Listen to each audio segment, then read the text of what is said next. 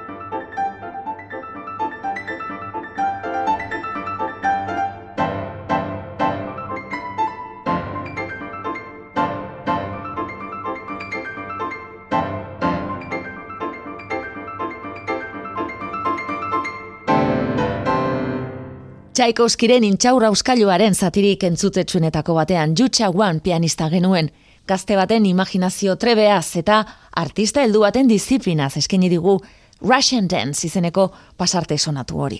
Ukraniako melodia folklorikoetan oinarritu zen Tchaikovsky, trepak izenez ezagutzen den doinu azkar eta ziraragarri horretarako. Klasikoak eite ben. Doinu alaiekin jarraituz, barroko alemaniarrari egingo digu tarte orain.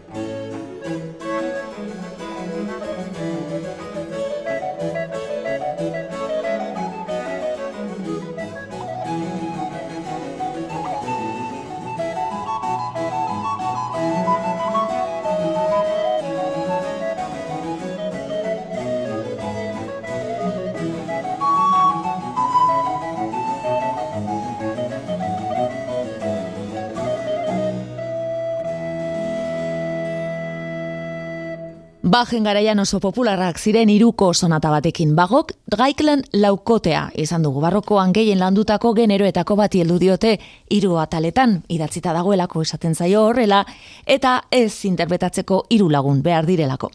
Bajen, B, V, bikoitza V, mila eta hogeita bederatzi zenbakia daraman trio sonataren alegroa eskaini digute. Klasikoak eite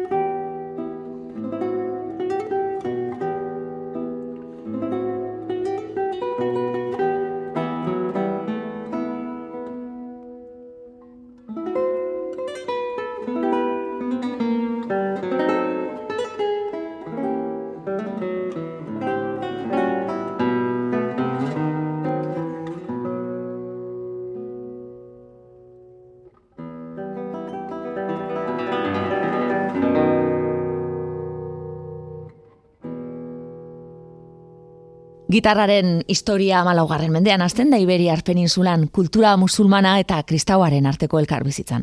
Hasiera batean errixumeak erabiltzen zuen, Espainiako gortean biuela nahiago baitzuten eta Europaldean berriz lautearen aldeko joera baitzuten. Gitarraren urrezko gara jala ere, emeretzi garren mendean iritsi zen Antonio Jiménez Manjon Andaluziararen moduko komposizioekin, eta aire basko izeneko bere pieza gainera, maixu handi baten David Russell eskoziararen eskutik entzun dugu gaur. Klasikoak eite ben. Aurrera egingo dugu musika klasikoaren gailurretako batekin Pajel Belek, iru biolin eta baju kontinuaren zatidatzi zuen kanon ospetsua Londresko libera bezbatzako mutikoen hau entzungo dugu orain.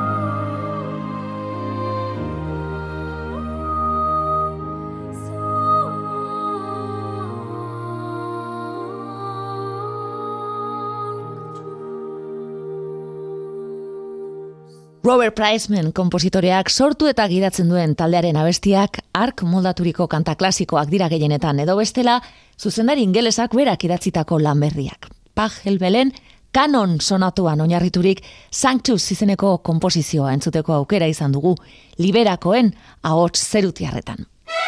Klasikoak eite